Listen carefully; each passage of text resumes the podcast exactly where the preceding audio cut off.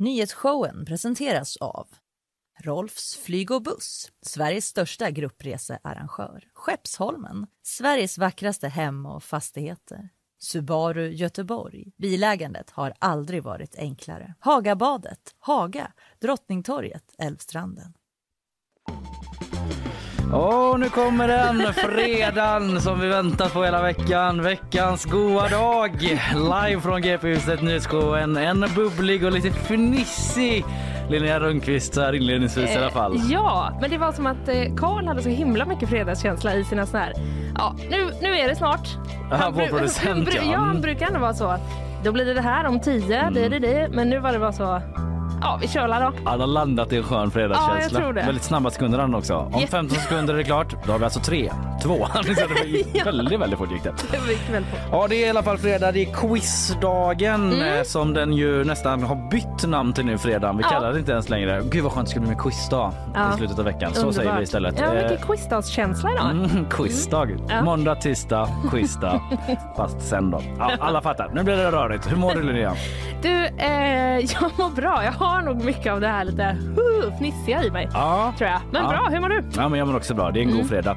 Du, eh, idag förutom att det är quiz då, där du ska tävla mot eh, Isabella sen så eh, kommer jag att prata om Börje Salming som ju gått bort 71 år gammal i sviterna av eh, hans ALS-sjukdom. Mm. Väldigt många fina hyllningar som kommit eh, sen beskedet igår kväll. Eh, mer om det alldeles snart. Vad ska du prata om? Jag ska prata om eh, Drag Queen Story Hour. Mm. Det har ju varit väldigt, eh, fått väldigt mycket kritik under hösten. Ja, en Ehm, följetong. Fått kritik följetong. också från ett ganska specifikt håll va? Eh, Det är ja, mycket precis. Sverigedemokrater som är Ja, arga. det, ja, precis. Det är en eh, sån här stund som ska hållas på biblioteket i Kalmar imorgon. Och eh, det är en eh, lokal sverigedemokrat där som inte tycker Ja, att det det, är han hållas. jag tänker på. Ja. Mm. Mm. Okej, mer om det sen då. Spännande eller intressant i alla fall. Eh, I bakvagnen då, tjuvar har snott keltiskt guld i Tyskland. Det är vad som verkar vara ett ganska raffinerat tillslag. Gone in nine minutes eh, var de. Sen senaste nytt av den här krogen vi snackat om i veckan på Öckerö. Mm. Den ska bomma igen nu efter eh, twist. Eh, Jag kommer reda lite i det. Inte bra. nu nu, men om ett tag. Det är Ja. lite så, ja men lite byråkrati inblandat. Just det. Eh, vad har du mer på, eh, på listan? Jo, men jag har eh, en eh, följetong eh, som vi också har pratat om hela veckan. Fifa. De Ja. uppges eh, slopa lite förbud på regnbågsfärger. De har svårt att bestämma sig Ja, det, är min det kommer mycket olika nyheter där. Ja, och sen blir det också lite om en eh, kissekatt på en flygplats. Ja, perfekt. Det är högt och lågt eh, Mm. här i Nyhetsshowen. Men du eh, mår bra idag? Något annat Ja. som har hänt sen sist? Vi sågs ju igår, men Vi sågs igår. Ja, inte så mycket har eh, hänt mer än att jag ska få eh, träffa två kompisar idag och dricka vin. Och det ser jag jättemycket fram emot. Ja, härligt. jag går och suktar efter höll jag på att säga. jag bara tänkte på, eh, det är så roligt eh, här på morgonen, eh, för vi tar ju en bild alltid innan. Mm. Så var det, eller han var inte ens lite sen, vår fotograf. Nej. Men eh, man, man, han, det var att han, han ursäktade sig för Ja. att han hade varit ute och fotat, vad var det? En Typ. lastbil som kört in i en truck. En truck tror Som jag. kört in i Mediamarkt. Ja, Eh, och så glömmer man ibland då att de är ute på riktiga jobb. Exakt. måste skynda lite för att vi ska stå typ så här för posera att vi ska stå och le Ja, och en få en bild. fin bild. till Instagram. ja Ja, det var faktiskt en, eh, ja det kan, tjuvar körde rakt in i Mediamarkt med truck. Eh, det har han varit ute och fotat på. En nattlig kupp. Jonas var fotograf. Ja precis, polisen jagar de misstänkta som försvann från platsen med bil. Vittnen säger att de lämnat med massa säckar säger Göran Karlbom vid polisen. Mhm. Ja, en liten kortis om Mm. det som vår fotograf var ute på alldeles nyss. Eh, Artikel ligger redan på snaj, eh, sajt. Snabba puckar. Pinfärskt. och eh, med det så kan vi väl passa på att gå över till eh, lite eh, hockeysnack om man säger så.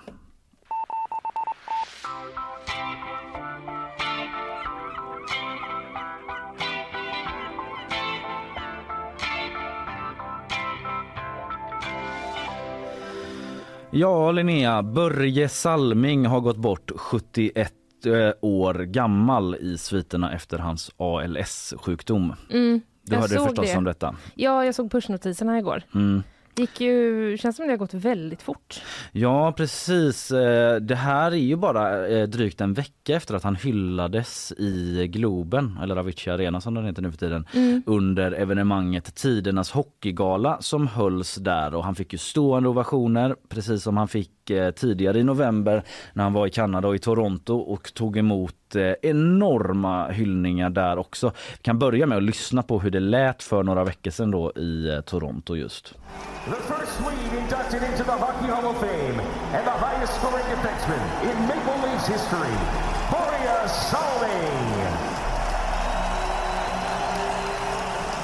Ja, det bara pågår och pågår ja. det här.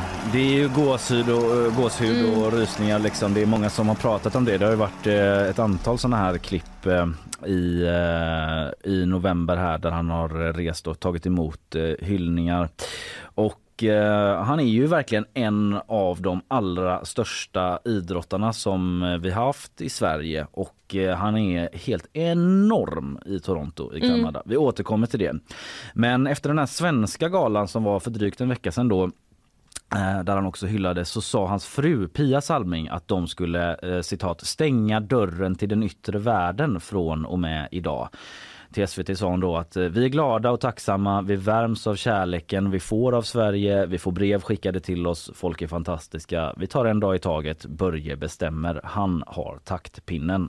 Sa alltså hans fru. Och det var ju så att Börje Salming drabbades av den här eh, nervsjukdomen ALS. Eh, han berättade om det i en intervju med TT i augusti i år och sen dess har han blivit sämre. Mm. Eh, man har ju sett det på de här oerhört rörande bilderna då från de olika hyllningstillfällena att han är sjuk. Mm. Det, det, såg man eh, och han hade på slutet svårt med både talet och att liksom röra sig fullt ut. Och man tänker ju på honom som den här otroliga kämpen och tuffingen för det var ju det han var känd som som spelare. Att han aldrig gav sig, han slet hela tiden, han mm. tog så sjukt mycket stryk och liksom in i det sista föreställer jag mig att eh, han gjorde det mm. för att närvara på de här hyllningarna. Ja för det var väl inte liksom helt självklart att han skulle kunna åka till Toronto till exempel. Nej. Jag för mig ändå att det var så här, att han ändå kom iväg. Ja, det måste varit en kraftansträngning ja. eh, gissar jag. Och eh, jag har hört andra som Anders Maskan Karlsson, en annan eh, ikonisk hockeyspelare som pratade om det. Att liksom, mm. ja, man såg att han eh, att han uppbådade den styrkan han mm. hade liksom, när han närvarade där i Globen. Eh, men han var ju mycket mer än en eh, tuffing på isen och en hårding liksom. Eh, typ alla de här stora stjärnorna från eh, när jag växte upp på 90-talet eh, har ju pratat om honom som en stor idol och förebild. Eh, vi kan lyssna på Niklas Lidström då, en av Sveriges bästa spelare någonsin han med. Eh, när han pratar med Sveriges Radio om Börje, dels som idrottslig förebild men också om hans eh, värme som person. Ja, det började som liten grabb som hade man Börje som idol när man själv eh, ville vara en hockeystjärna och drömde att man skulle till NHL så var Börje min stora idol. Eh, sedermera fick jag chansen att spela tillsammans med honom också i Canada Cup 91. Vi var backkollegor. Det var ju en, en dröm som gick i uppfyllelse. Sen när man har lärt känna Börje efter karriären så fick man se vilken otroligt varm och omtänksam människa han var. Så att det, det är verkligen ett tungt hjärta en dag som denna. Ja, mm. många jag har hört under morgonen och gårdagskvällen pratar om, eh, om eh, honom som en väldigt varm person och väldigt snäll. Mm. En lagkamrat. Och, eh, han hade ju kanske den bilden utan många tänker på honom som just en sån tuff hårding, liksom mm. blockar, mm.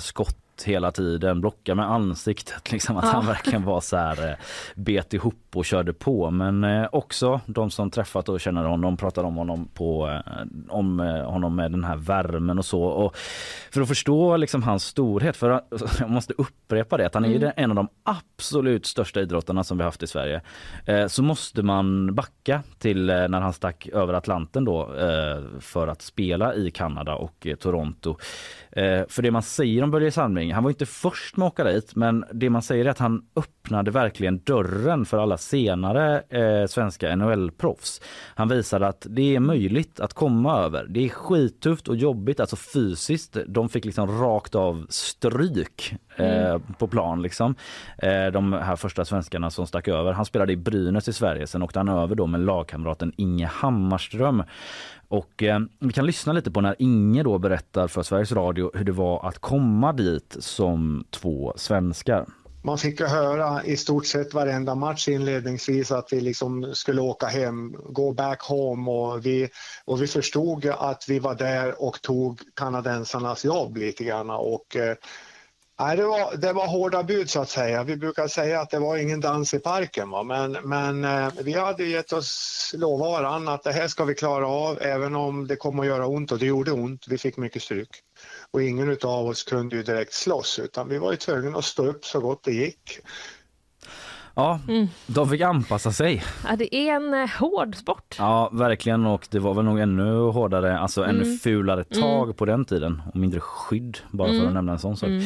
Men eh, för jag menar Börje Salming innan han liksom blev, eh, gav sig ut i den stora världen verkligen på den internationella scenen så, så kom han ju från ganska enkla omständigheter får man säga. Han är född i Kiruna på sjukhuset där 51 och han växte upp i en liten sameby som heter Salmi och han har berättat om sin barndom i sommarpratet han gjorde om hur han brukade fiska och jaga med sina farbröder. Och så här. De hade ingen båt men de paddlade ut på en planka och fiskade. Och ja, just det, något bildäck satt de på va? Ja det har jag inte har hört men Nej. så kan det vara. Ja. Han eh, berättar om de här liksom, han väldigt varma känslor kring mm. sin barndom typ och den eh, var enkel men också präglad av någon sorts eh, värme där eh, i stora delar. Sen, eh, men sen så skulle han ju då verkligen ut i den stora världen liksom. Kommer från den bakgrunden över till Kanada. Vi kan lyssna bara på en bit från just hans sommarprat när han pratar om när han möter en talangscout mm. för första gången tror jag i alla fall från eh, Kanada. När jag sitter där i omklädningsrummet så knackar det på dörren. En man som presenterar sig som talangscout för Toronto Maple Leafs kliver in. Jag tror han frågar om jag kan engelska så jag svarar yes. Och sen frågar han om jag vill komma över och spela hockey i Kanada med Toronto Maple Leafs. Och jag svarar yes, för jag kan ju ingen mer engelska. ja, fint på något sätt. Mm. Eh, och det var just i Toronto han stack då och mm. Maple Leafs och spelade.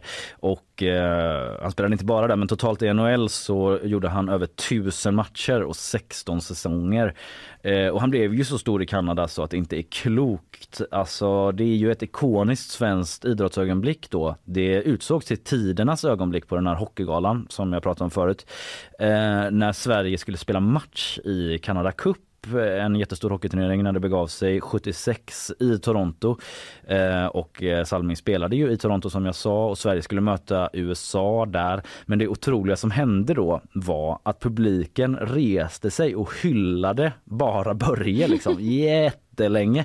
Det tog aldrig slut. Eh, så här lät det i amerikansk tv. Many are standing.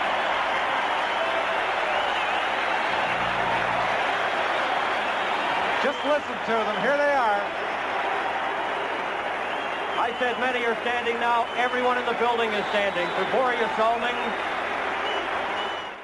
Ja, det pågick jättelänge. Eh, så så stor var han. Vi kan lyssna också på ett kort inslag i kanadensisk tv från den tiden som eh, väl ger lite en bild av Börje Salmings status där. In the short time he's been here, Boria has become one of the National Hockey League's biggest stars.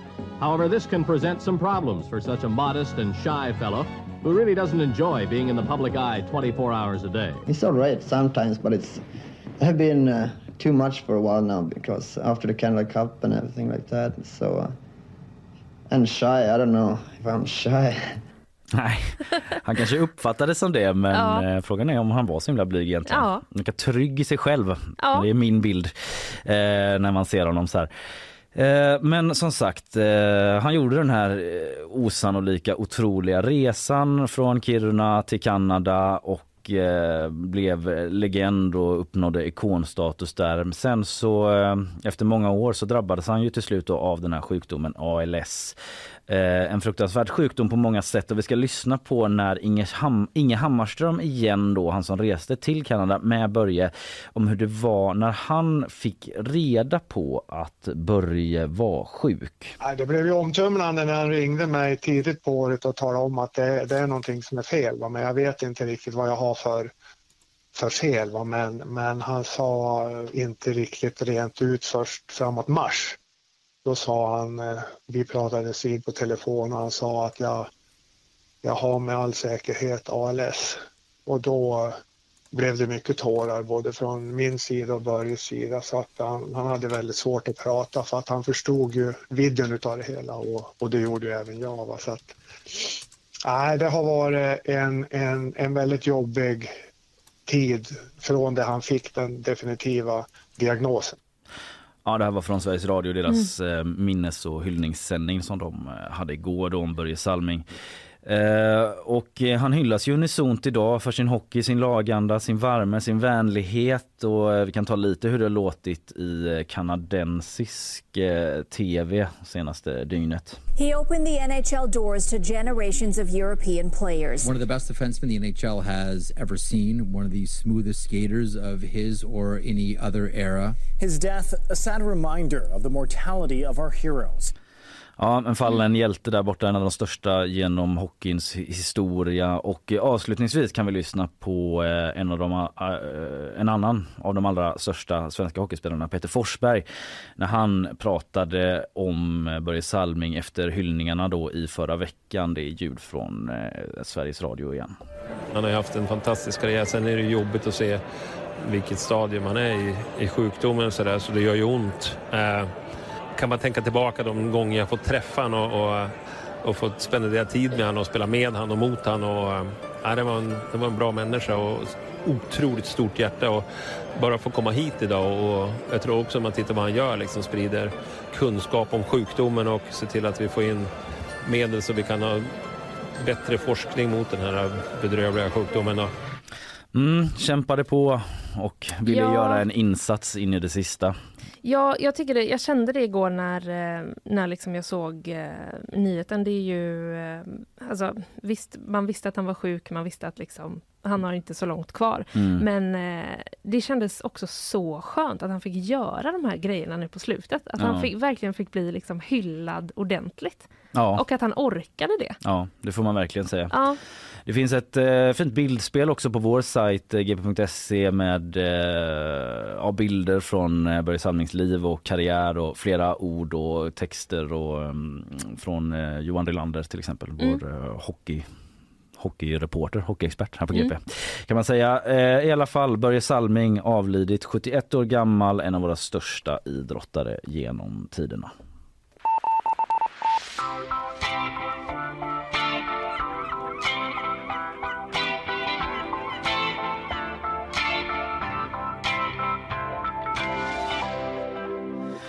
Yes, eh, du ska snart prata vidare ju mm. om hela Drag Story Hour Gate. Drag Queen Story Hour Gate. Ja, mm. Drag mm. Queen Story Hour Gate.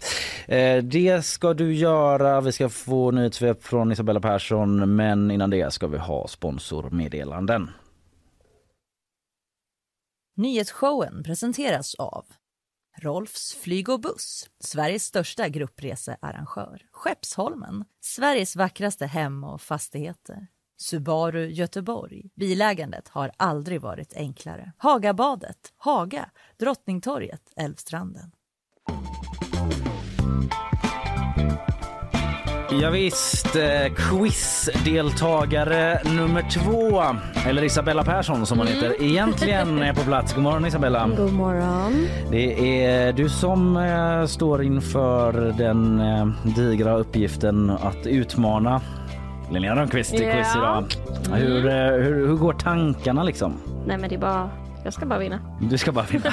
Det är liksom inte svårare än så. Nej. Nollställer resten av sig själv och bara går in i ja. vinstmode så. Nu dör det blicken Isabella. Det är bara seger hon ser. Kommer de kunna göra nyhetssvepet undrar man? Ah, Eller är det bara quiz fokus. i hela? Det är jag helt säker på att de ja, kommer. För eh, om det är någon jag känner som är proffsig, ja men då är det um, Persson. Oj, oj, oj. Isabella Persson. Fortsätt, fortsätt. I Persson. Kom igen. I person, Isabella Persson. Jag stoppar där och eh, lämnar över till dig eh, ja. med eh, nyheter. Och eh, jag tar vidare. Du eh, slutade Kalle, som vi tidigare hört så sörjer hockeyvärlden Börje Salming. Peter Forsberg, Henrik Lundqvist och Niklas Lidström är bara några av dem som hyllar Salming och hans betydelse för idrottssverige. I gårdagens omgång av SHL hölls en tyst minut för Salming som i somras diagnostiserades med ALS. Han blev 71 år gammal. Som en följd av det ökade säkerhetsläget i Sverige så har Göteborgs hamn bestämt sig för att beväpna sina vakter. Den senaste tiden har flera personer gripits misstänkta för spioneri och flera experter menar att kritisk infrastruktur kan vara av intresse för just spioner. Göteborgs hamns säkerhetsskyddschef Thomas Fransson säger att hamnen kan vara ett potentiellt mål då det är ett av Skandinaviens största skyddsobjekt. Över 600 barn och ungdomar med Greta Thunberg i spetsen stämmer staten. Det är organisationen Aurora som ligger bakom stämningen och de menar att staten måste göra mer för att begränsa den globala uppvärmningen. De menar också att om klimatåtgärderna inte nu är tillräckliga så hotar det de mänskliga rättigheterna i framtiden. I praktiken kommer domstolen alltså att behöva bedöma om Sveriges klimatpolitik strider mot Europakonventionen om de mänskliga rättigheterna. Hatten av för att du tog dig igenom säkerhetsskyddschef. Mm, bra jobbat. Eh, det ordet, eh, just det, det här med Greta och gänget eh, stämmer svenska staten. Det är lite spännande. Det har väl skett i andra länder va? Ja. Vill jag minnas. Ja. Eh, jag hörde något inslag om det eh, Ja. på, på radion i morse. Typ, Och där att- verkar de ju ha haft eh, viss framgång, de som har stämt i andra länder. Ja, det är så, kunde se. Ja, Ja. det verkar ändå ha varit, ja, kanske inte att de fick allt de ville, men det Nej. verkar liksom ha gett något i alla fall. De fick hela statsbudgeten i skadestånd. på. Varsågoda och gör om den som ni vill. Det verkar vara ett eh, fenomen i alla Ja. fall som pågår. De ska ha jobbat på det här eh, stämningsansökan. Eller den här stämningen i två år. Ja, ja, Den här eh, Mm. föreningen. Så de liksom Det är inget som gjorde i affekt så. Nej. Bara De har suttit och knoppat ihop See den. you in court. ja, jag hörde något inslag där att det skulle bli svårt att liksom, eller utmaningen är att eh, motivera det juridiskt, att man juridiskt Mm. eh, ska liksom kunna stämma dem då eh, för att det är lätt att det bara blir en politisk fråga. Men här är det juridiken och det är en annan sak, det vet vi Mm. sedan gammalt. Lät som jag typ har jättemycket erfarenhet av att bli stämd. Det har jag inte. Dock lite, ska jag eh, Men Isabella, vi ses eh, om en stund där. Det blir quiz. Då blir det vinst. Då blir det vinst. Ja, någon kommer göra Vi vinna i får alla väl fall. se. Ja, någon kommer vinna, det kan jag lova. Mm.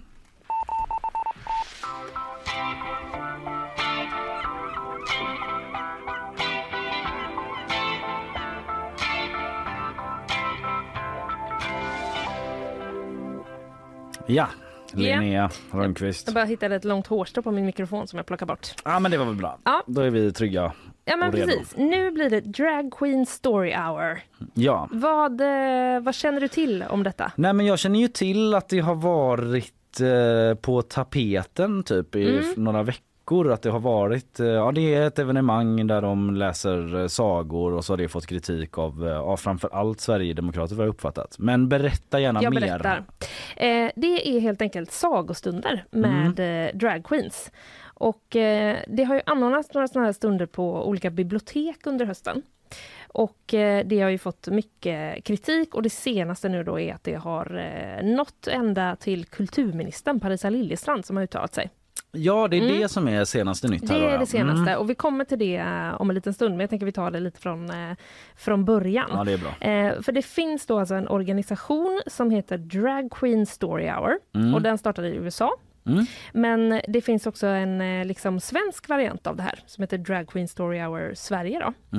Mm. Eh, och den föreningen startades 2017 av dragqueensen Lady Busty och Miss Shameless. Mm. Så det här är egentligen är det liksom ingen ny företeelse. Nej, det har funnits ett tag. Det har funnits i några år och eh, det som har hänt är då att ja, nu har det börjat bli kritiserat och Mm. omdebatterat. Eh, men vi kan lyssna lite på när eh, de beskriver det då helt enkelt som normkreativa sagostunder för barn.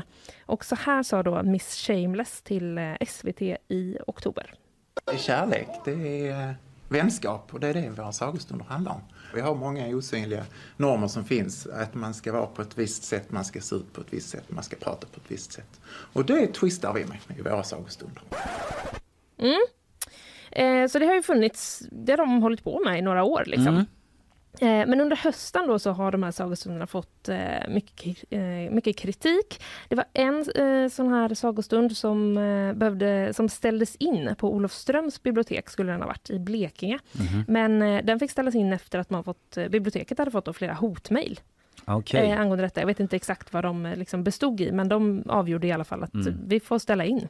Och så fick de ha den digitalt istället. Men den här kritiken, eh, den är liksom, men dels, jag, antar, jag vet att du kommer till det lite grann, men det är dels från en väldigt specifik sverigedemokrat men också Mm. från mycket så privatpersoner då som reagerat. Alltså det är inte så... Ja, ja, alltså det är det ju. Ja. Och de här hotmejlen vet man ju ingenting Nej, om nej, vem som har precis. skickat Ja, såklart. mm. Eh, men precis, det är en eh, Sverigedemokraterna i Kalmar. Mm. Vi kommer in på det Ja, snart här.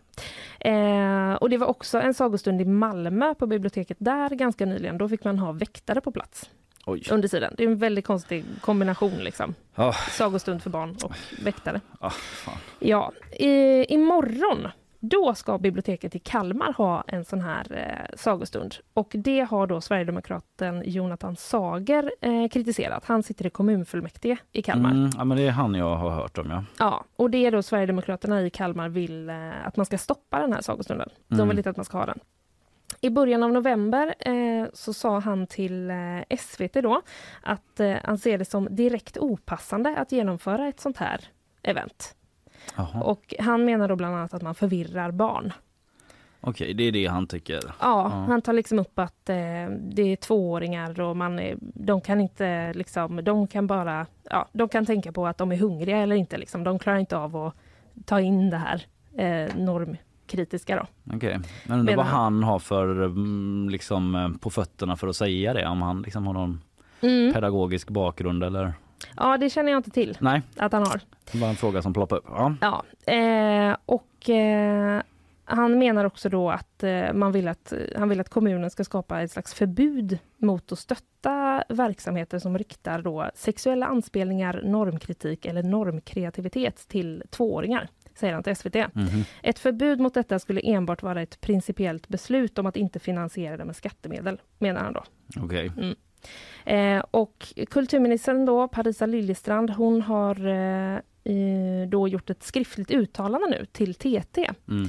Eh, och hon säger då principen om armlängds avstånd är en helt central styråra för regeringens kulturpolitik. Det är glasklart både i regeringsförklaringen och tidavtalet. Jag tycker inte att politiker vare sig på nationell eller lokal nivå ska styra över innehållet i kulturutbudet. Exempelvis sagostunder. Nej. Nej, men det är en väldigt aktuell fråga där med armlängds Mm. avstånd. Det debatterades ju även innan valet. Liksom. Mm. Vad ska politiker lägga sig i och inte? Och en, den principen med armlängds avstånd har ju varit regerande väldigt länge i Sverige Ja. ändå. Att man inte ska blanda sig i vad enskilda institutioner väljer att liksom lägga pengarna på. Man, har, man Ja. lägger en kulturbudget liksom. Exakt, att man inte liksom ska ha åsikter om exakt vilken typ av konst eh, som eh, görs och hur den ser ut. Och man ska sådär. inte micromanagea det. Nej. Har det brukat heta ungefär. Mm. Ja, precis. Eh, och Jonathan Sager då, han har eh, kommenterat kulturministerns uttalande och han säger så här till SVT. en armlängds avstånd från kulturen och den då nästan praxis som har varit, den slutar absolut gälla när då direkta perversa material inte hålls är en armlängds avstånd från barn.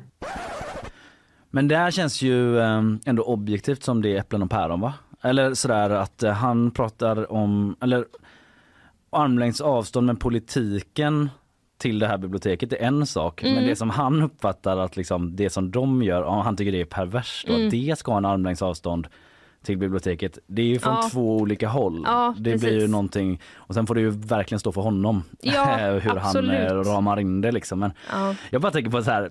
Jag vet att dragshows inte bara är att man klär ut sig utan Mm. så här, det är en hel kultur och allt sådär. Mm. Men eh, bara så här utifrån en tvååring, alltså det jag vet om tvååringar Mm. är att eh, jag tänker typ att det skulle vara den bästa. Nu vet jag att inte, det här är liksom sagostund och det är inte en dragshow liksom. Mm. Men att det skulle vara typ det bästa underhållning som finns för en tvååring för de älskar typ att klä ut sig och showa så. inte alla. Men den erfarenheten jag har av vissa tvååringar i min närhet Ja. är att de inte är helt främmande för att slänga på sig liksom ta lite plats och slänga på sig lite typ flashiga kläder. Nej, Ja, nej precis. Det var en parentes bara. Men, Ja. mm. Eh, men han säger ju det också, Jonathan Sager, att eh, det är inte dragqueensen, det är innehållet i liksom eh, sagostunderna, typ eh, det här norm, eh, Kreativa. normkreativa, Mm. precis. Det är det han liksom eh, ja, ställer sig frågande till. Men jag tycker att han är lite, jag har inte tagit del av varje citat överallt, det är svårt att göra men det är ändå lite luddigt exakt Mm. vad som är problemet. Han tycker att det blir för komplicerat för tvååringar, att man eh, Ja, utsätter dem då för någonting som de borde skyddas från. Ja, han menar liksom att, eh, att de riskerar att bli förvirrade för att de inte kan, eh, kan uppfatta eh, att det är för komplicerat för dem med liksom, eh, ja. Mm. Det är också ett ganska vuxet perspektiv han lägger på en tvååring Ja. då. Bara för Mm. att liksom vrida och vända lite Mm. på problemet, Mm. liksom lite förhålla sig kritiskt till det Mm. han säger. Så att Absolut. Säga. Mm. Ja. Eh, men den här sagostunden då på biblioteket i Kalmar, Ja. den blir fortfarande av. ja, det blir det. Eh, ja, det verkar vara två olika sagostunder efter varandra imorgon då på lördag och eh, den är fullbokad. Ja, okej, succé alltså. Mm. Mm. Succé. Kul för arrangörerna. Mm. All right. Okej, det är det vi vet ungefär då. Ja. Kulturministern har uttalat sig, den här Sverigedemokraten är fortfarande kritisk men det kommer bli av. Ja, Mm. eh, sagostunden kommer bli av. Mm. Mm. Ja, ehm, ja men vad bra att få en liten genomgång av detta. Det har ändå bubblat ett tag. Jag vet att det Mm. liksom varit lite här eh, debatt om det i USA också. Ja, precis. Och man har ju sett det, men det, det är ju ganska intressant att det ändå har, det har funnits i flera, flera år. Och nu har det blivit liksom Ja, eh, kritiserat. det placeras ju in av en del debattörer i um, kulturkrigsfrågan. Liksom. Jag vet Mm. att Jonas Gardell skrev ju Mm. någon eh, artikel eh, som blev ganska uppmärksammad om detta. Liksom, när han så här, nu är, eh, jag parafraserar, jag kommer inte ihåg exakt, men nu är liksom så här, hbtqi-personen en del av kulturkriget. Liksom, Mm. eh, som eh, först liksom av SD mot dem, typ, var ju hans take ungefär. Mm. Då, liksom. Ja, väldigt intressant. Mm. Vi går vidare va? Det gör vi.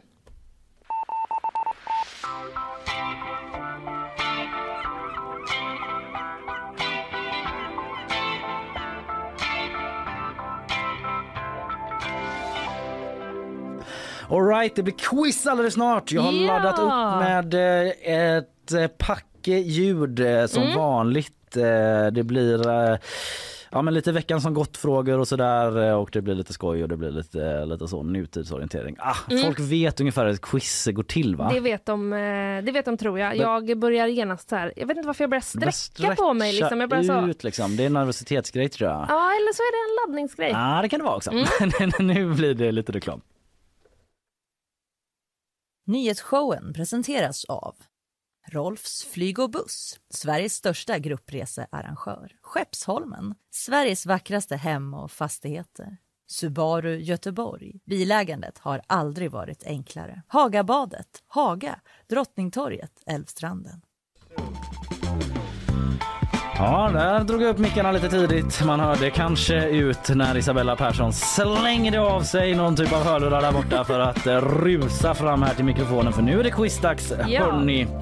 Eh, och jag vet ju att eh, du är laddad Mm. Linnea. Du har ju liksom börjat stretcha och förbereda dig på det sättet. Ja. Du gör vad du kan. Knäck- eh, men, eh, snacka inte ner mig nu. Nej, eh, det är väl en del i förberedelserna bara. Ja. Eh, Men annars har ni liksom, nu har vi hållit på med quizet ett tag. Jag vet inte Isabella, har du liksom anpassat din vecka någonting efter det? Att du lägger saker på minnet på ett annat sätt? Eller, eh, eller har du fortsatt leva ditt liv som vanligt Ja. eh, även fast ett quiz pågår i nyhetsshowen live från GP-huset? Jag känner nu att jag har gjort ett misstag att inte lägga saker på minnet. Ja, eventuellt. Linnea? Nej, jag, jag eh, har inte liksom pluggat på något sätt för att det känns som att eh, det, det känns som att du, det är ett bra quiz på det sättet. Man kan liksom inte, fast också dåligt. eh, men man kan, man kan liksom inte så bara typ så, och lyssna på nyhetsshowen hela veckan och så kan man alla svaren. Nej. Utan det är ju ändå lite stick, Mm. ivägstickningar. Ja, men man vill ju att man ska belönas lite för att Ja. ha lyssnat men Ja. också att man inte ska tvunget ha lyssat. Så Det är Nej. en balansgång där Ja. som jag går eh, hela veckan. Mm. Eh, men det sägs där ute i stugorna att det är ett oerhört uppskattat moment där eh, med quiz eh, och något av eh, den typen av uppgifter. Men, men vi ska... älskar att quizza. Jag och Linnea älskar att quizza. Ja, Ja, det är underbart. väl helt känt vart jag står i quizfrågan. Ja, det är känt. Vi ska gå in då i rond ett. Det går ju till så för folk som kanske tunar in för första gången att eh, vi har två ronder har vi landat i nu. Eh, den första är eh, så att jag ställer en eller flera frågor baserat på en dag i veckan. En nyhetshändelse, något som har hänt i nyhetsväg eller något som har skett här i programmet. Så det är en aktuell händelse.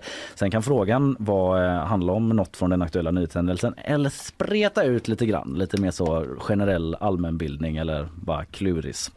Eh, vi börjar då eh, med den här rond 1 eh, något aktuellt som sagt. Eh, Får jag bara fråga, hur ska ja. man svara? Ja, fick en bra fråga. eh, du tar upp ett Word-dokument Okay. eh, eller någonting att skriva i din Yes. dator och så svarar man eh, medan jag frågar. Sen kommer vi rätta idag efter liksom varje dag. Så när jag Mm. kört måndagen så rättar vi den direkt så vi inte håller folk på sträckbänken så jävla länge. Nej. Det betyder att ni har ganska kort tid på er att svara Mm. men eh, deal with it bara. Ja i alla fall den här ronden som vi ska spela nu eh, den kallar jag för en dag en fråga.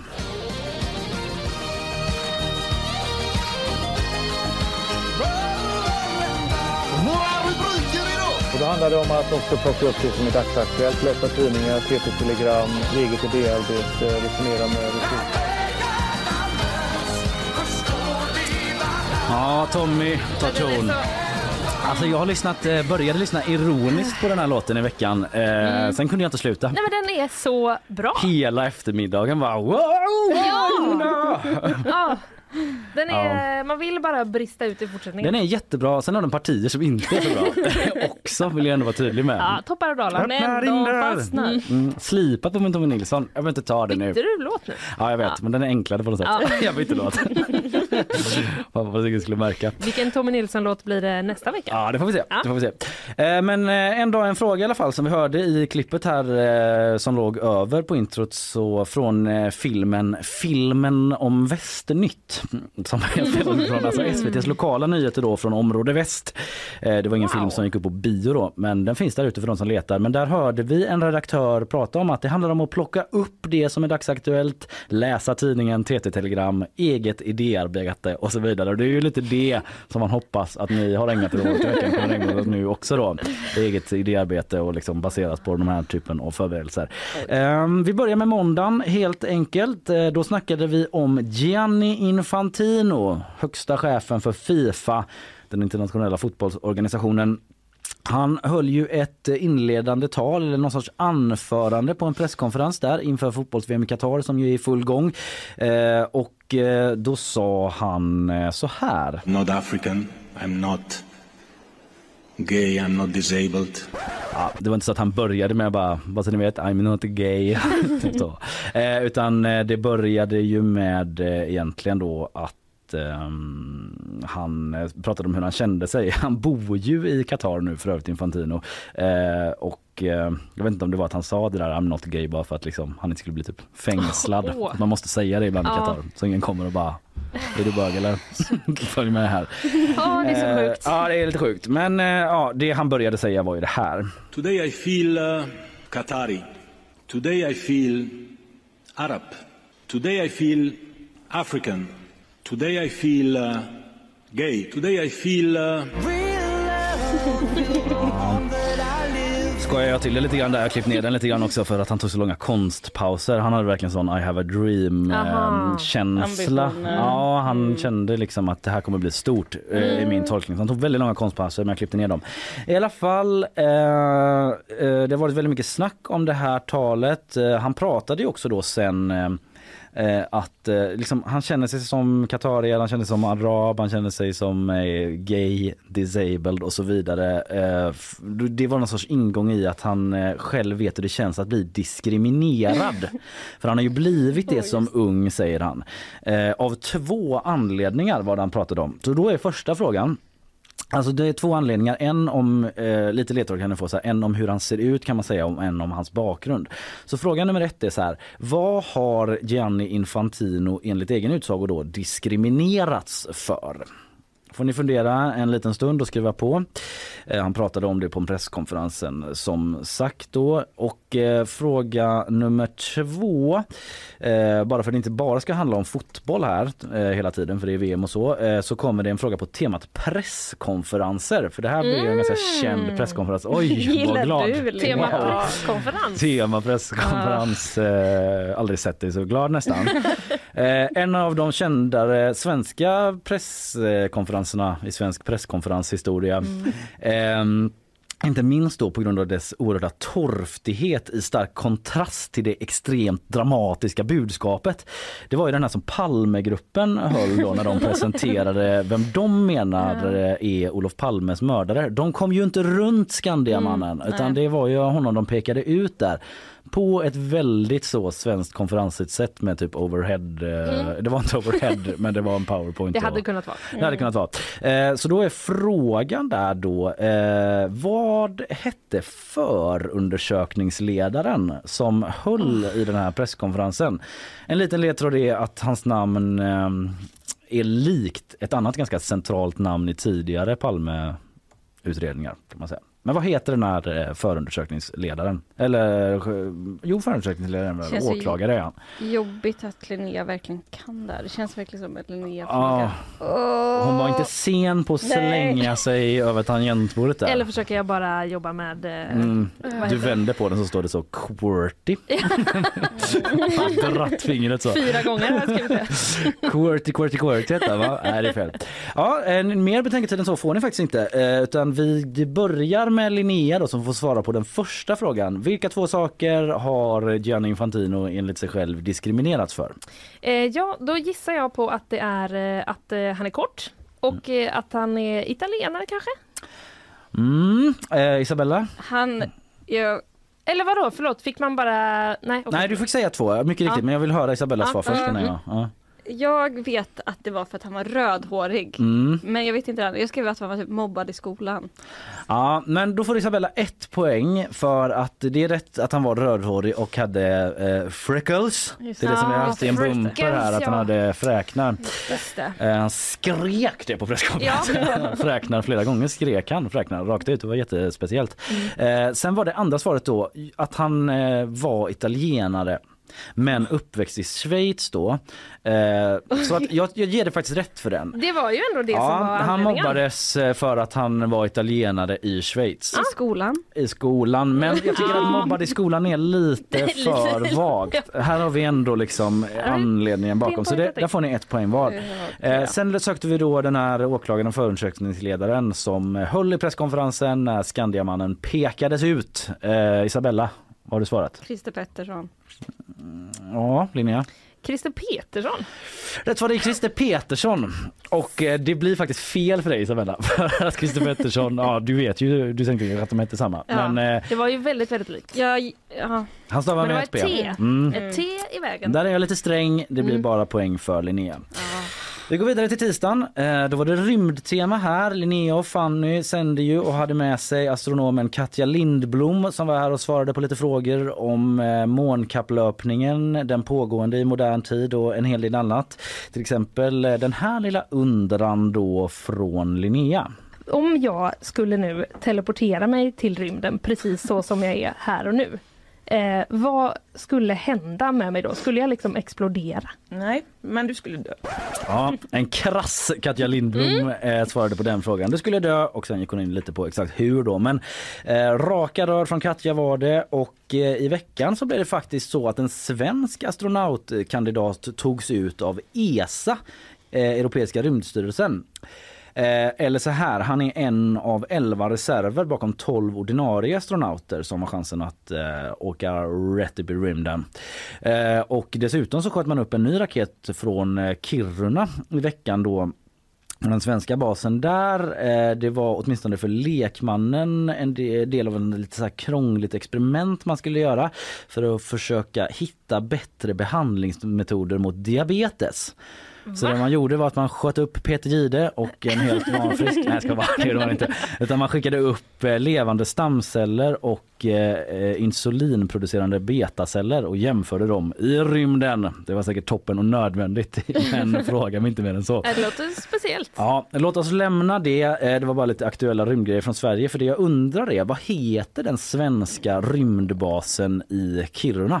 Vad heter den? Eh, sen har vi nästa fråga då. Där kommer jag spela fyra ljud från fyra olika rymdfilmer. Och då vill jag ha titeln på den filmen. Det är titeln på filmen jag söker. Och vi börjar här då med film nummer ett. Now let me leave, Murph. Now, now let me leave, Murph. Det är någonting när man tar ut den gråten utanför filmsammanhang. Så att låter... ja, vilken film var det då? Ehm, jag vet inte om ni vill ha en ledtråd. Det kanske är jättesvårt. Nej, vi tar inte ledtråd jag på den. vill ha en ledtråd. Jag vill jättegärna ha en ledtråd. Jag kan säga att det var Matthew McConaughey som, eh, som eh, framförde den här Mm. scenen. Då. Eh, film nummer två kommer här. We meet again at last.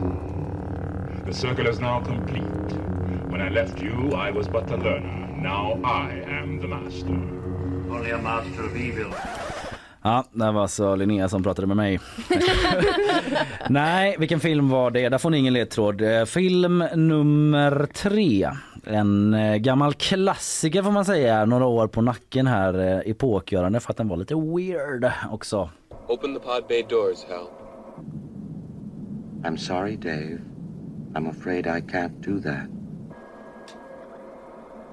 What's the problem? I think you know what the problem is just as well as I do. What are you talking about, Hal? This mission is too important for me to allow you to jeopardize it. Ja, en gammal klassiker alltså. Det är en astronaut som pratar med en eh, AI här kan man säga. Eh, Det var lite före sin tid men det är när AI bestämmer sig för att rationalisera bort människan då. Och eh, sista filmen eh, kommer här. Finally, really did it. You maniac! You blew it up! Oh, damn you! God damn you all to hell! Ja, också en gammal klassiker då slutskedet av filmen utan att spoila. Men det är väl, är det han jävla Charlton Heston är det ja, som eh, spelar den här gubben. Eh, så det är fyra filmer där. Ehm, Alltså, ja. lite lite miniledtråd på Charlton Heston. Alltså att eh, eh, hans efternamn har ju med djur att göra. Häston. Ja. Han är ju on a häst också i filmen. Men att den här filmen har lite djurtema också. Rym, djur i rymden kan man säga på ett sätt. Ja, Var eh, det, var det sista? det var sista ja. Vi återgår då till fråga nummer ett här. Vad heter den svenska rymdbasen i Kiruna? Isabella, du är först ut. Mm. Kiruna Space Center. Mm, nej, jag ska inte säga rätt eller fel innan men eh, ja, Linnea. Eh, är det S-range? S-range är korrekt och snyggt. riktigt. Sen har vi då... Det går inget bra. Så det är lightning round Ja, på det slutet också. Där kan allt hända. Eh, där är det många poäng på spel. Eh, den första filmen då med Matthew McConaughey som eh, grät så trovärdigt. Det känns trovärdigare på film, jag måste säga det. Jag ska inte håna honom. Jag älskar den här filmen eh, och jag undrar Linnea, vilken är det? Eh, jag vet inte, men jag gissar på Gravity. Och Isabella? Oh, det är en bra gissning. Jag har sett den här filmen. Mm. Eh, Men. men jag vet inte vad den heter. Interstellar sa jag. Rätt! Interstellar är rätt Yes! svar. Andra filmen. Eh, Så glad! liksom, lyfte från stolen nästan. Okej, andra filmen då Isabella. Eh, det är Star Wars. Måste det vara mer specifik än så? Det behöver du inte Linnea. Star Wars. Ja, det var rätt. Eh, det var dock från eh, episod 4 då. Eh, kan man säga. Mm. Den första i den kronologiska ordningen. Eh, eh, och sen hade vi den tredje då med den här AI-rösten som pratade med astronauten och rationalisera bort honom. Linnea. Det här kanske är den svåraste skulle jag säga. Ja, jag har tyvärr ingen aning. Eh, Isabella. Nej. Det- Inte ens en bra gissning. Nej, det är ju Stanley Kubrick va? Eh, sneglar på Carl igen, han nickar där jakande som regisserade filmen 2001 A Space Odyssey. Det är den här klassiska scenen i början också med de här aporna som liksom kommer på hur man använder verktyg och det är den här, eh, ja. Obehagligt. Ja, mm, det är lite obehagligt. Det är en ganska obehaglig film. Eh, lite artsy också på sina sätt. Men det var det i alla fall, eh, Space Odyssey. Och eh, sista filmen då, Damn you all to hell! En ganska klassisk rage-scen i filmhistorien. Isabella? Ingen aning. Eh, Linnea, fick du hjälp av den här häst-on-ledtråden Jag fick eller? ingen hjälp. Nej, det var bara Eh. för det på djurtema. Ja, Då gissar jag på eh, Space Monkeys. Eh, nära på ett sätt, men rätt svar är Apornas planet. Ja! Den första. Det hade man ju kunnat komma på Ja. man eh, kunde tänka. Men det kan man uppenbarligen inte. Nej, det är ett pressat läge också. Det ska alla komma läge. ihåg där Ja. ute. Det är kanske enklare när du sitter med en, liksom en rostis med marmelad och en kopp kaffe i handen och bara Och avslappnad. Google. Nej, Mm, jag och. Google. Ja. Det gör ni inte här. Nej. Eh, Det jag gör däremot är att jag går vidare till onsdagen då. För då så snackade vi om den här restaurangen på Öckerö som ju blivit ett eh, fenomen. Ni känner till den. Eh, Den har ju fått så oerhört dåliga recensioner. Mm. En av fem på Tripadvisor. Det är liksom något av det värsta i världen i recensionsväg. Eh, det har mycket att göra med de höga priserna där och att en, en pizza kan kosta upp mot 500 spänn till exempel. Och vår reporter på GP på Kulturen, Jonathan Bengtsson, han har skrivit ett eh, fantastiskt reportage tycker jag i alla fall om den här restaurangen. kan man läsa på vår sajt. Eh, och han var där, eller han var här i onsdags och snackade om hela storyn. Han har försökt intervjua ägaren, varit där. Det var ett ganska dramatiskt möte mellan honom och ägaren då. Eh, eh, och han var där och käkade och pratade med folk i eh, omgivningen som varit där har en relation till den här restaurangen. Och en av dem han pratade med då heter Ralf Buss eh, som upplevt flera sidor av restaurangen som Jonathan skriver i texten. Han firade sitt 30-årsjubileum för sitt bröllop där, eh, bröllopsjubileum till exempel. Men sen hände någonting med den här restaurangen upplevde Ralf. Eh, vi ska lyssna när Jonathan, den gode historieberättaren Jonathan Bengtsson eh, återger en anekdot då som åtminstone ger en bild av eh, det här stället. Sista gången han var där med sin fru 2007 eller 2012 så eh, beställde de in black and white eh, fläskfilé och oxfilé. Ja, precis. Eh, och då var pommesen väldigt, väldigt hårda. Mm. Så han gick fram till ägaren och eh, med, liksom, med en pommes i en servett och tänkte att nu ska jag ta det lugnt här men jag ska ändå fråga honom vad han tycker om den här pommesen. Mm. Eh, för att han kunde liksom ta upp dem på gaffeln sa han för att de var för hårda. Så då, då gav han pommesen till, eh, till ägaren och eh, ägaren tog in pommesen i munnen och åt den. Och man, och man hörde liksom hur det krasade verkligen. Hur det var alltså, ljudet av någonting väldigt, väldigt hårt som han försöker arbeta ner i sin mun. Mm. Och sen så tittade ägaren på honom med stadig blick och sa det var den godaste pommesen jag har ätit i hela mitt liv. Ja, Jag känner verkligen att jag är där när jag hör det klippet. Jag ser det så framför mig. Ja, Jonathan, någonting hårt han försöker arbeta ner i munnen var väl uttryckt då. Jonathan Bengtsson som berättade om detta. Man kan läsa mer på sajten såklart. Det senaste nytt eh, är ju faktiskt att den här restaurangen ska bort nu då efter en lång tids tvistande får man säga. Så har hyresnämnden slagit fast att den 31 mars nästa år så ska de väck. Då måste ägaren antingen riva eller sälja vidare. Och vi ska ju säga att vi har försökt nå den här eh, ägaren och eh, Jonathan har ju varit där och försökt prata med honom men han vill inte prata om detta med oss. Kan man kanske förstå på ett sätt. Mm. Skitsamma, man kan lyssna mer eh, på vårt onsdagsavsnitt om det då. Men ehm, kan återkomma till den där nyheten om att det bommar också sen i bakvagnen Mm. eventuellt. Men frågan då, fråga nummer ett. Öckerö den här ön i Göteborgs norra skärgård.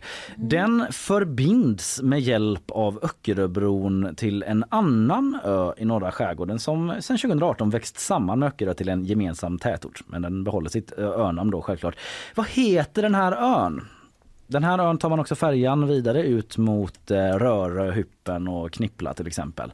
Eh, vad heter den här ön som eh, hör, liksom, binds samman med Öckerö genom Öckeröbron? Och fråga nummer två. Eh, från Öckerö så kommer även den här politiken. politikern. När jag var en ung liten flicka Jag bodde på en fattig gård Jag skulle bra gärna vilja veta varför vårt hus inte fick stå kvar Jag har mött så många vackra människor Det har han gjort. Bra sångröst. Ja, ja visst. Eh, Det här är en kristdemokrat som sjunger ibland i riksdagen då. Eh, Och eh, han kommer från en familj med flera politiker och framstående framstående personer från Öckerö. Bland annat så den här hamnföreningens ordförande som var i tvisten med restaurangen delar Mhm. hans efternamn då. Vilket är efternamnet? Det är ett känt Öckerö efternamn och eh, ja, den här eh, politikern som vi hörde sjunga då, han, eh, han är kristdemokrat och han var liksom lite småaktuell till och med för att bli kulturminister. Det var många som var, men hans namn nämndes och han är eh, talesperson för kultur och idrottsfrågor för Kristdemokraterna. De två frågorna har vi, men jag börjar då med att fråga er vilken är den andra ön som hänger ihop med Öckerö via den här bron. Jag tror att Linnea får börja den här gången. Ja, och eh, jag kan tyvärr inte. Va? Vår kranskommuns king eller queen. Ja, men det här är ju. Göteborg. Jo, jo, nej Öckerö är en egen kommun. Nej, ja det. Ja, nej, jag kan inte. Jag är ledsen. Så att du ska kunna allt om alla kranskommuner bara för det från Mölndal. Men det är de förväntningarna jag har på dig. Isabella, vad tror du? Jag tror att det är Hönö. Rätt svar är Hönö. Mm. Isabella knappar in här då. Mm. Sen hade vi då den här skönsjungande KD-politikern. Han heter Roland i förnamn, men vad heter han i efternamn Isabella? Jag tror Utbult. Utbult. Utbult är rätt och riktigt. Roland Utbult från Öckerö i grunden då. Eh, bra jobbat Utbult, snyggt att ni tog den. Mm, Jag tror jag har mött en utbultare i fotboll också. När jag spelade mot Jaha, Öckerö en och del. jag har back in the pluggat med en diesel. Utbult. Så Ja, och jag har pluggat med Ja. samma Utbult. Ja, för att vi pluggar ihop. Wow, lite om oss också. Eh, så är det med släkten Utbult. De har förgreningar här och var. Eh, torsdag, då snackade vi om, nu är det sista frågan på den här ronden kan jag säga då. Sen blir det lightning round Mm. och lite paus däremellan så alla hinner hämta andan. Men eh, i torsdags snackade vi om att världens äldsta tillredda måltid tros ha hittats i norra Irak. Den var tillredd av neandertalare och eh, ska ha varit någonting alldeles, alldeles extra. Det menar i alla fall eh, forskarna då som ligger bakom den här studien eller möjligen DN som rapporterade om det och eh, eventuellt överdriven smula. Jag vet inte. Döm själva. Jo, det här fyndet då, det tyder på att eh, de var mer kultiverade än man har trott. Riktiga gourmeter, menar forskarna. Skriver nu DN. undrar jag om jag de undrar överdriver det. lite där borta på För, DN. ja, Säljer den här artikeln Mm. lite väl. ja, för vet du vad det var de hade lagat? Nej. En slags pannkaka med tunnbröd. Pannkaka i tunnbröd. Gourmet eller ej, döm själva. Det är också så. Pang, så platt på platt. Platt på Ja. platt ja. Mm. Mm. ja. Det kanske finns något... eh, Same same. Interesting Mm. presentation sa aldrig en neandertalare till en annan neandertalare. Men så var det i alla fall. 70 000 år gamla matrester hittade de och eh, då är min fråga lite på temat neandertalare för en forskare fick i år Nobelpris för att ha kartlagt neandertalarnas DNA. Eh, han har kunnat visa då på att bland annat att de hade sex med Homo sapiens och fick barn vilket gör att vissa av oss som traskar runt på jorden här idag bär på DNA från neandertalare. Vilka i den här studion bär på det DNA? Nej. Vad heter den här forskaren som fick Nobelpris i år? En svensk forskare. Fråga nummer två. På tal om gamla grejer så hade vi i torsdags även besök av Kenneth Lundin. Det är inte han som är gammal då utan eh, han jobbar på Naturhistoriska museet där det finns mycket gamla grejer. Han är marinbiolog där och ehm, eh, Naturhistoriska museet är ju känt då fick vi lära oss. Du visste verkligen det innan, eh, men den malmska valen. Du Mm. bara, ja, ja, den malmska valen, ja. Ja. men det är det coolaste på hela museet. Ja, eh, kanske lite fördel här då eventuellt för dig, jag vet inte. Men eh, den malmska valen, det är ju den eh, August Malm då lärde jag mig i alla fall var intendent på museet back in the diesel Eh, när man stoppade upp den här blåvalen nu som finns i den valsalen på Naturhistoriska. Eh, den här valen förirrade sig in i Göteborgs vatten då redan 1865. Men i vilken vik strandade den? Det är en vik ut mot kusten västra Göteborg. Vilken vik? Ni kan tänka liksom lite så här, ja, vilka badställen finns det utåt där? Ja. Mm. Ja precis, det är inte så en pytteliten vik som knappt har ett namn. det är inte Pytteviken. Nej, så, nej. Utan det, det, det, är det Ankeviken? Skojar. Nej men den finna, Anke och Pytte, snyggt. Eh, men, eh, nej, men det är liksom en aktuell badvik kan man säga om somrarna även idag. Eh, där eh, var sista frågan alltså i rond 1 och eh, jag undrar då vad heter den där svenska forskaren Isabella? Du får svara först. Jag eh, kommer känna igen det när jag hör det. Mm. Men det kommer inte. Får vi hö- får se om du hör det här från Linnea då? Svante Pääbo. Rätt! Svante Pääbo heter den här forskaren. Man kan väl sina neandertalarforskare va? Ja, du kan ju det uppenbarligen. Eh, vad kan du dina vikar då? Jag vill tro det. Mm. Jag tror eh, att det, jag har då skrivit Askimsbadet. Ja, absolut. Ja. Jag kan säga Askimsviken då. Ja, ja, Men eh, Askimsviken absolut då. Askimsbadet. Och jag har också skrivit Askimsviken. Det är rätt, rätt och riktigt. Långgrunda jävla Askimsviken, där Ja. strandar valen 1865. Bra, vi ska ta eh, en eh, liten paus och vila på mattan en kortis bara så att Emily har chansen att komma fram med en poängställning inför Blixtrundan. Den populära som kommer snart.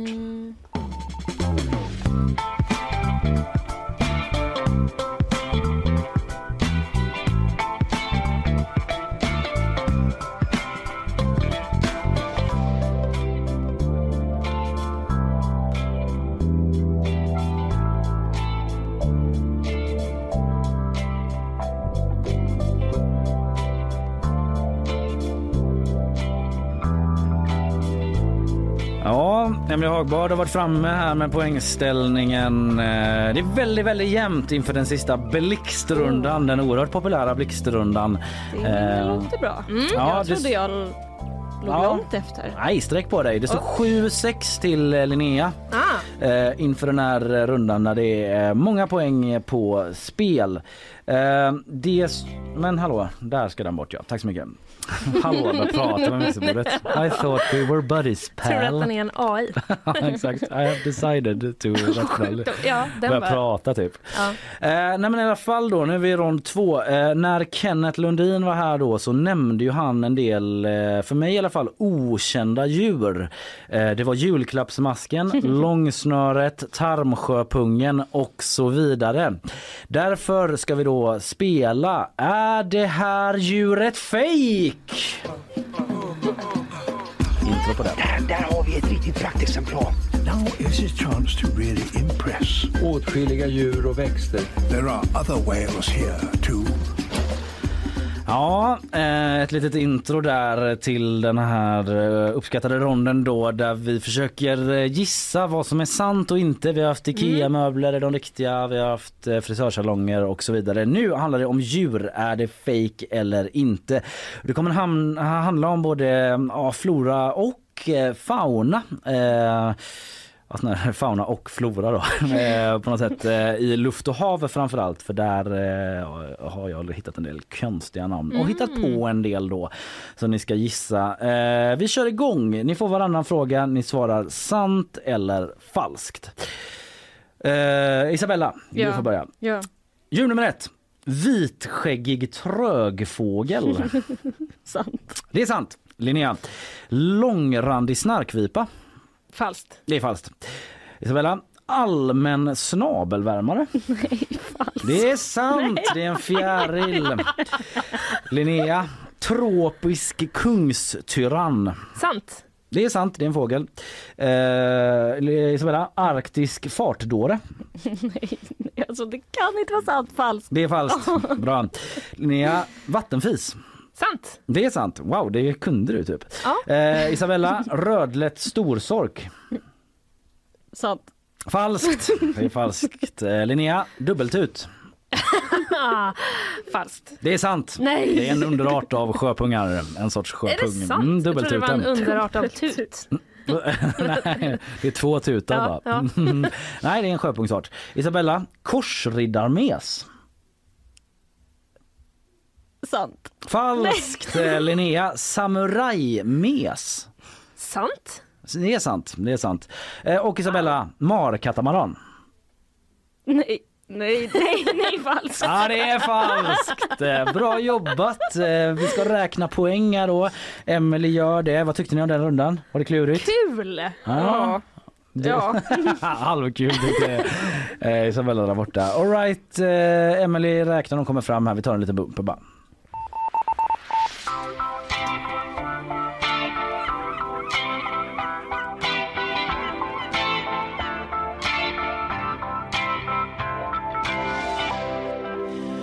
Alright, alright, alright. Eh, Det har räknats ihop av Emily Hagbard, vår researcher och eh, producent ibland men också poängräknare. Kanske Eh, hennes viktigaste uppgift. Ja, det skulle jag säga. Nej, det skulle jag faktiskt inte säga. Men det är en viktig uppgift. Den är oumbärlig Mm. åtminstone. Vi hade inte klarat oss utan det. Eh, då ska vi se efter den här quizen hur det liksom... Nej, ni ska inte få känna innan hur det känns. Jag bara medlade. Mm, ja. eh, på andra plats på nio poäng så har vi Isabella Persson. Det betyder att på 11 poäng har vi segraren Linnea Rönnqvist. Behåller eh, sin titel som Två veckor i regerande rad. Ja, mästare. sån jäkla streak Nu händer det. nu. Ja, verkligen. Det var ju bara en poängs skillnad inför blixtrundan Mm. då och eh, där drog du ifrån med en poäng. Mm. Ja, känslan Isabel, jag tycker att du, eh, du ska absolut, du sträck på dig. Du ska inte skämmas för det här på något Nej sätt. men jag hade kul. Ja. Men vi, det, var, det var ändå eh, lite så att jag kunde vissa frågor och de kunde inte du och du kunde vissa som inte jag kunde. Ja. Så vilket jävla lag Vi skulle hade- bli vi skulle ihop. vara i Synergi va? På spåret, se upp. Ja, här kommer. Panik. Panik.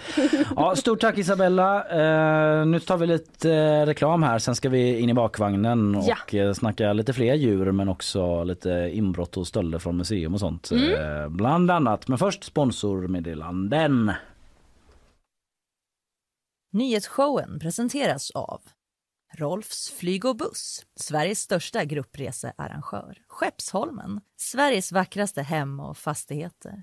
Subaru Göteborg. Bilägandet har aldrig varit enklare. Hagabadet, Haga, Drottningtorget, Älvstranden. på under en minut. Det låter snabbt. Det är snabbt. Ja, Mm. lite om... Hur snabbt du försvinner härifrån efter vi har sänt. Ja. Ouch! Men sant också, i alla fall den här veckan. Ja. Jag har vabbat faktiskt. Ja. Men också att jag undrar mig ibland. Nej, jag skojar bara. Nej, men det var ingen kritik. eh, bakvagn. Mm.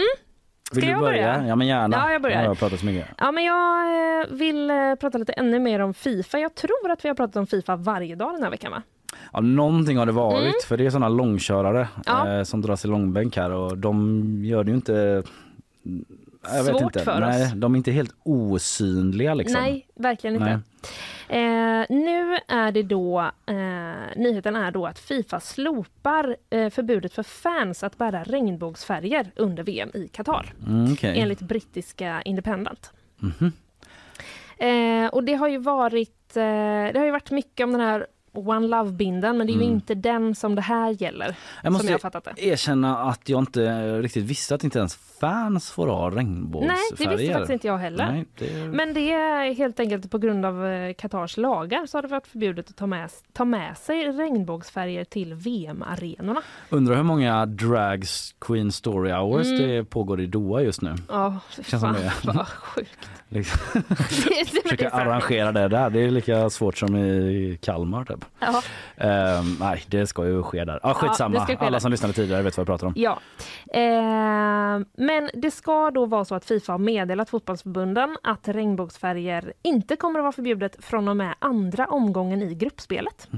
Har de motiverat det här, varför de har ändrat sig? Bara, "Ja, vi vill bara inte ha det i början typ. Nej, jag har faktiskt inte kunnat se liksom eh, vad, eh, alltså just varför de svänger i det. Nej. Men eh, Kanske är något tryck utifrån då, det generella. För det har ju varit ett eh, väldigt tryck. Det är väldigt mycket fram och tillbaka liksom. Mm. Först, ja det är klart det blir öl på arenan. Nej det blir ingen öl. Ja men det, ni kan ha de här bindlarna där det står One Love. Nej det ska ni inte ha. Och bara Nej. regnbågsflaggor på Mm. läktaren. Mm. Absolut inte. Det här är Qatar. Vi Mm. hatar ju bögar. Eller så här, Det- det, finns inte här. Varför Nej. ska ni ha dem? Det finns inga bögar här typ. Ungefär så är de ju lite grann hårdraget. Nej inte ens hårdraget utan det så är det. Men Ja. nu ändrar de sig igen. Och ja, nu fick jag bara någon sån här eh, liksom känsla av att jag vill slå mig själv för pannan med världens största hand. Jaha. För att jag bara... eh, Vad är det här egentligen? Du menar hela... Ja, hela grejen var nej, du får inte ha regnbågsfärger i publiken. Ja.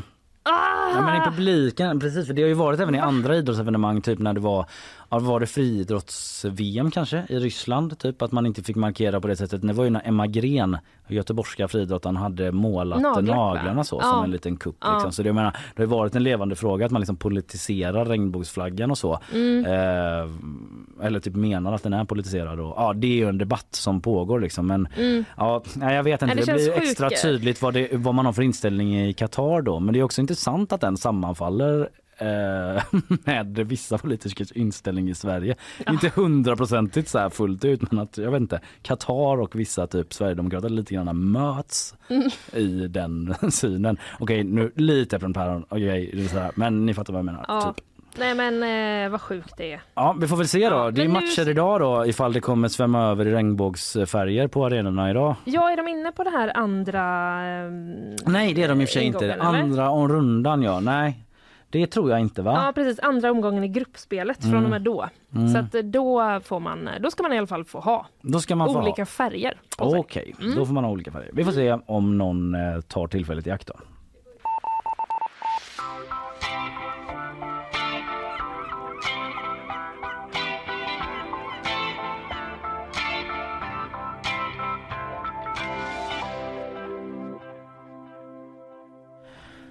Okej, eh, jag ger mig in. Eh, jag tänkte prata lite om en grej som varit en snackis i veckan. Eh, jag vet inte om du känner till eh, matinfluensen Johan Matgeek Hedberg. Jo. Ja, eh, det här är också en grej som har pågått typ under, jag vet inte det känns som hela veckan men det kanske bara är ett par dagar sådär men eh, han, eh, det blev inga julkort eh, för honom i år. Istället så gick pengarna till en julhälsning till eh, Ukraina och på en ukrainsk granat. Mm. Han har eh, rört upp lite känslor med detta. Det är någon sorts, jag vet inte, så här, etiskt eh, dilemma med två läger har det väl utvecklats till eh, kanske. Eh, han publicerade en video där eh, man såg en granat med texten God jul önskar Matgeek Slava Ukraina eller Slava Ukraine kanske det stod. Eh, av eh, och ehm, eh, när den typ avfyras då, den här videon liksom splittrar följarskaran. Han har ju Mm. ganska många på Instagram då.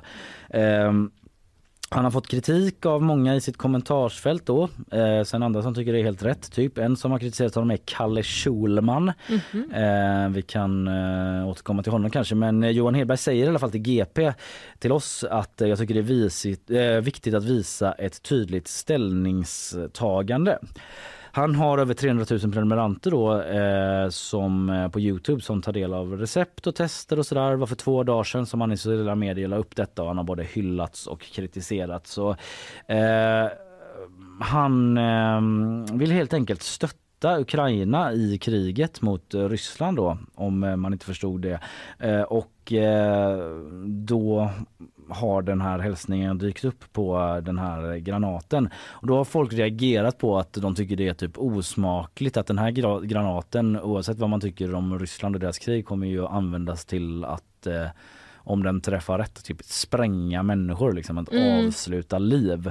Ja, det blir ju ändå lite speciellt när det, när det står så God jul från Ja, mig på, väl- på ett eh, så eh, ja, på ett sånt riktigt vapen. Ja, Typ. precis. Eh, det Om blir- när man ändå tänker på vad det ska användas till. Ja, Mm. en viss ton som Mm. kanske liksom inte är helt harmoni med ändamålet Mm. typ. Det är lite sådär nästan amerikanskt liksom uh, yippee motherfucker liksom eller såhär. Ja. Du vet som skulle sägas i någon sån Bruce Ja. Willis film typ Merry Christmas motherfuckers. Mm. Och så Älskar Bruce Willis. Ja precis, det kanske Mm. Johan Hedberg också gör. Mm. Vad vet jag, matgeek alltså.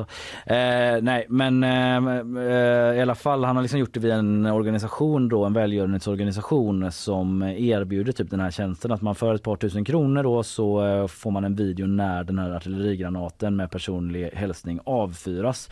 Och det är dit han har gett pengar då. Eh, han säger så här, jag är en privatperson, jag kan inte handla med vapen säger han till oss på GP. Den här granaten kom från den ukrainska krigsmakten men det blir väldigt tydligt budskap här att man tar ställning för Ukraina i frihetskampen. Det är hans eh, Ja, det är det så, han förklarar det liksom. Eh, men några kommentarerna då är så här eh, på Instagram. Hur känns det att skicka en julhälsning som dödar? Skriver en person i kommentarsfältet. Eh, han svarar då, Johan Hedberg, att det känns jäkligt bra att skicka en julhälsning som bidrar till att snabbare driva ut Ryssland som invaderar ett oskyldigt namn. Sen var det ju Kalle Schulman då. Ehm, det är väl den eh, liksom, offentliga personen man vaskat fram här då som, som är kritisk. Men eh, jag tvivlar på, han skriver så här, jag tvivlar inte på att du har gjort massor för Ukraina men i det här fallet lägger du upp ett klipp eh, med ditt namn på ett vapen. Det är någonting annat. Vad är syftet? Soldaterna skrev ditt namn på vapnet som ett tack för att du finansierar förnödenheter. Ja, han är kritisk här att du glamoris glamoriserar död och spelar Allan med det för, från ett tryggt håll på långt avstånd liksom. Liksom. Att du sen ångrar dig och dillar om att du absolut inte handlar med vapen. Ja, ångra sig, det får väl stå för Kalle Schulman då. Men eh, varför lägger du upp filmen då överhuvudtaget? Så, så låter kritiken. Eh, sen har Johan Hedberg fått sva eh, svara på då hur han ser på kritiken. Eh, jag ser det hela som en naturlig reaktion. Eh, därför, är det ot eh, därför att det är otrevligt med vapen och krig. Eh, men om människor inte reagerade på vapen så skulle något vara käpprätt åt helvete. Så jag förstår reaktionen. Samtidigt så tycker jag det är tydligt så här liksom att om Ryssland hade, om inte Ryssland hade invaderat Ukraina så hade vi aldrig haft den här situationen. Ja, Mm. så går snacket ungefär. Mm. Eh, ja, har vi något mer att säga om det? Egentligen inte. Nej, egentligen inte. Det finns de reaktionerna, han Ja. resonerar sådär. Eh, det om Varsågoda det. att tycka vad ni vill. Varsågoda och tyck vidare. Mm. Julen betyder mycket planering, tycker jag. Eh, att det är struktur, att eh, man tänker till lite grann. Det betyder julen. Mm. Eller bomber och granater kan det också betyda då. Ja, det kan det betyda.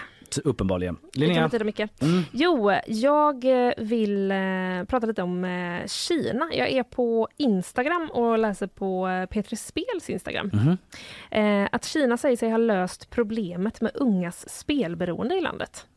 Ja, de har haft någon sorts eh, drive där, va? någon kampanj Ja. typ.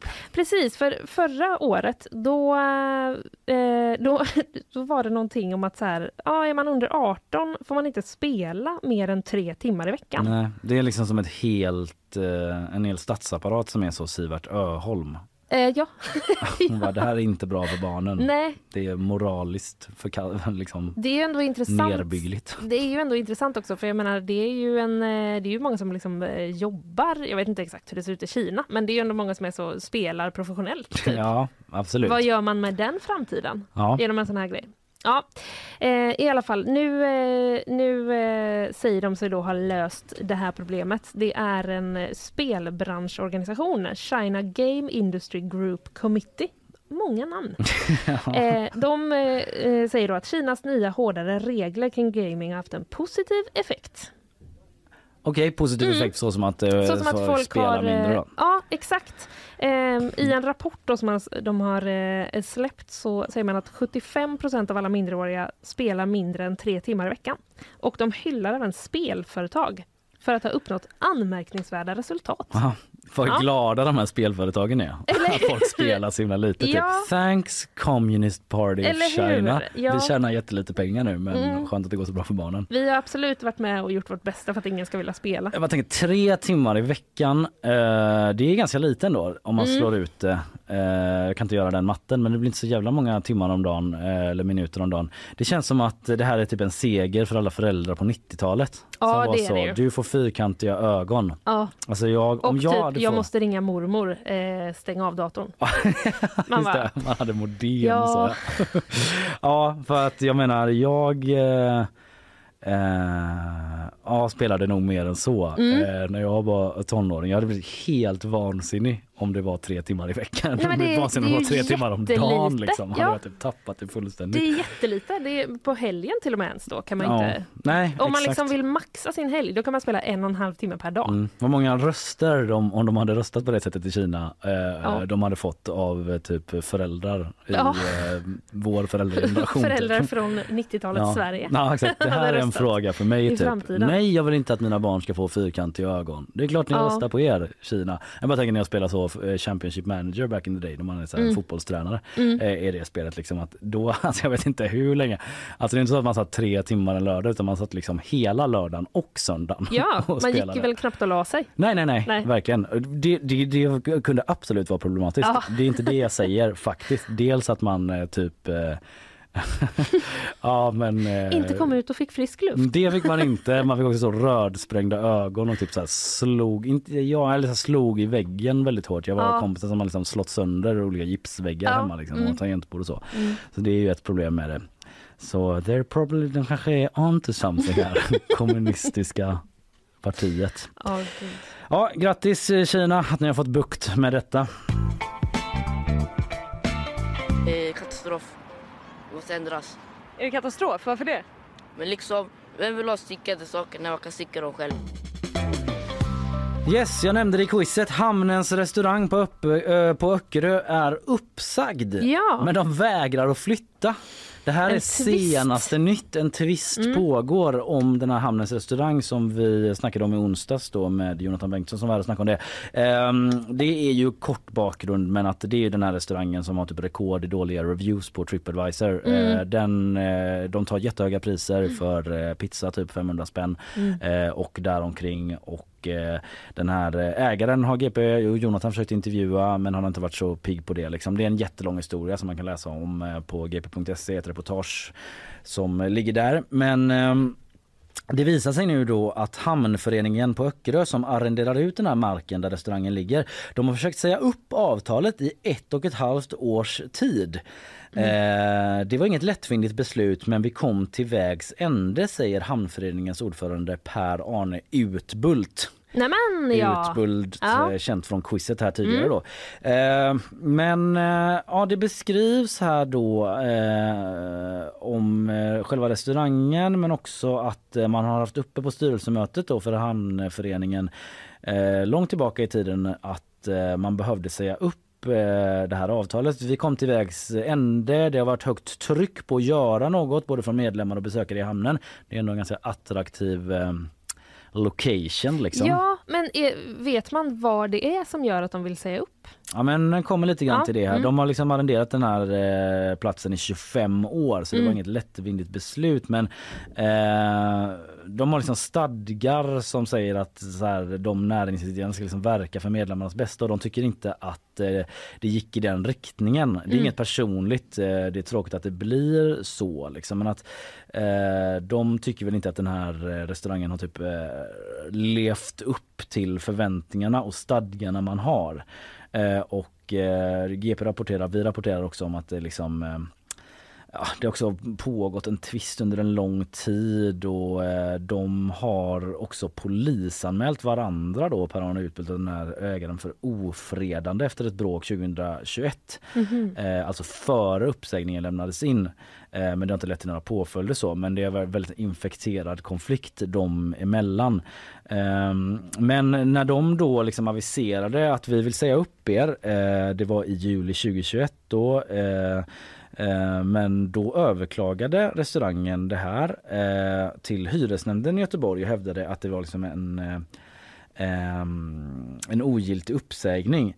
Och nu har hyres hyresnämnden tagit ställning och beslutat att det här arrendet ska sägas upp då den eh, 31 mars 2023. Så det är typ om en eh, fyra månader då så ska den till slut försvinna. Eh, det kan överklagas igen och sådär. Men han eh, Per-Arne Utbult säger att eh, vi vill ha en väl fungerande restaurang. Vi har många besökare i gästhamnen varje år och då vill vi ha en bra restaurang. Så här, om det är den här restaurangägaren eller någon annan som driver den spelar mindre roll. Men ja, de är inte nöjda med eh, hur den har drivits då helt enkelt. Nej. Så det är liksom senaste nytt Mm. om den här restaurangen. Passa på Ja, just det. om ni vill käka där. Ja.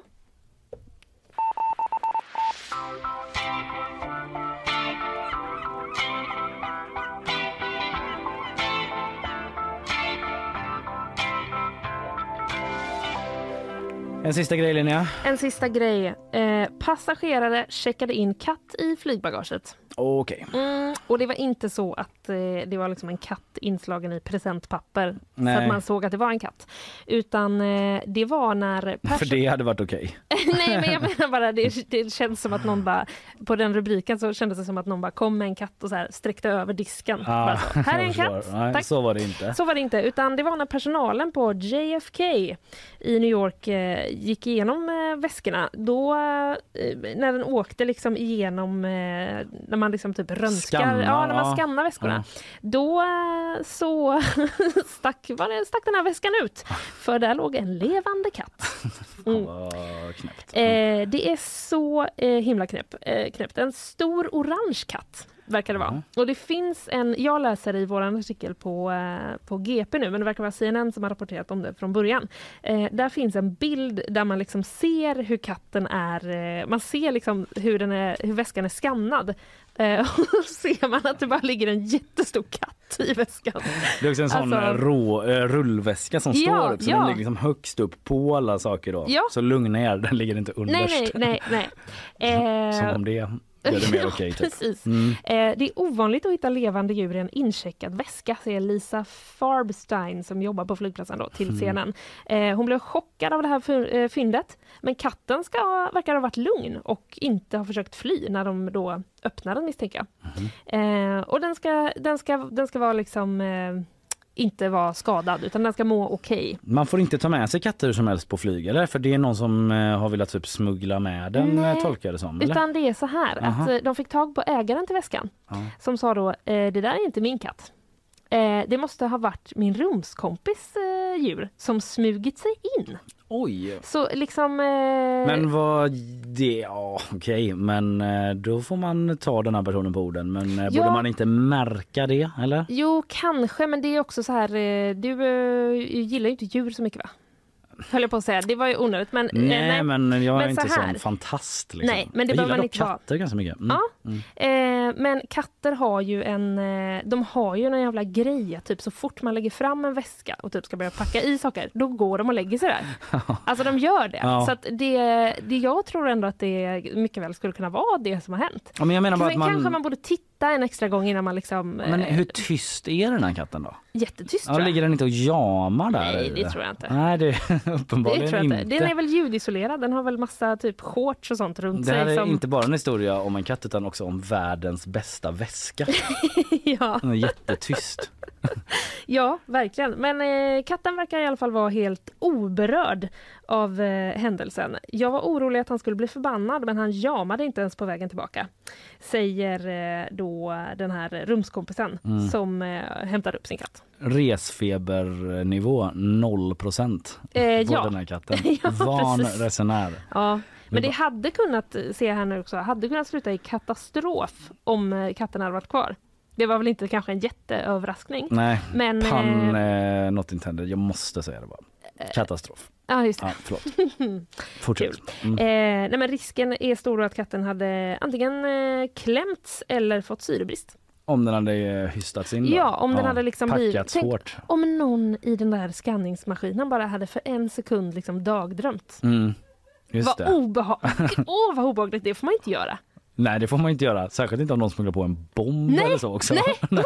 nej. Jag hade haft så mycket stress om jag hade jobbat där. Bara, måste titta hela tiden. Ja. Då brukar jag, när jag har såna grejer, när jag, ska, när, när jag är i ett scenario där jag Mm. behöver titta hela tiden, Mm. då slår jag en reflex till att jag gör så här. Ja, Så bling, blunda så hårt. ja Att jag bara, exakt. alltså bara snabbt, snabbt innan jag verkligen måste titta. Blunda Ja. jättemycket när jag måste...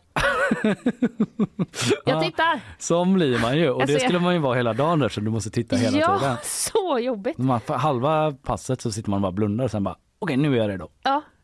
ja men som att man har typ så en minuts skift. Ja. Man måste bytas av för att man måste få sitta och blunda en minut och bara okej snart typ lyssna lite på Enya och bara Ja, nu snart nu snart ska jag titta och så bara nu är det du.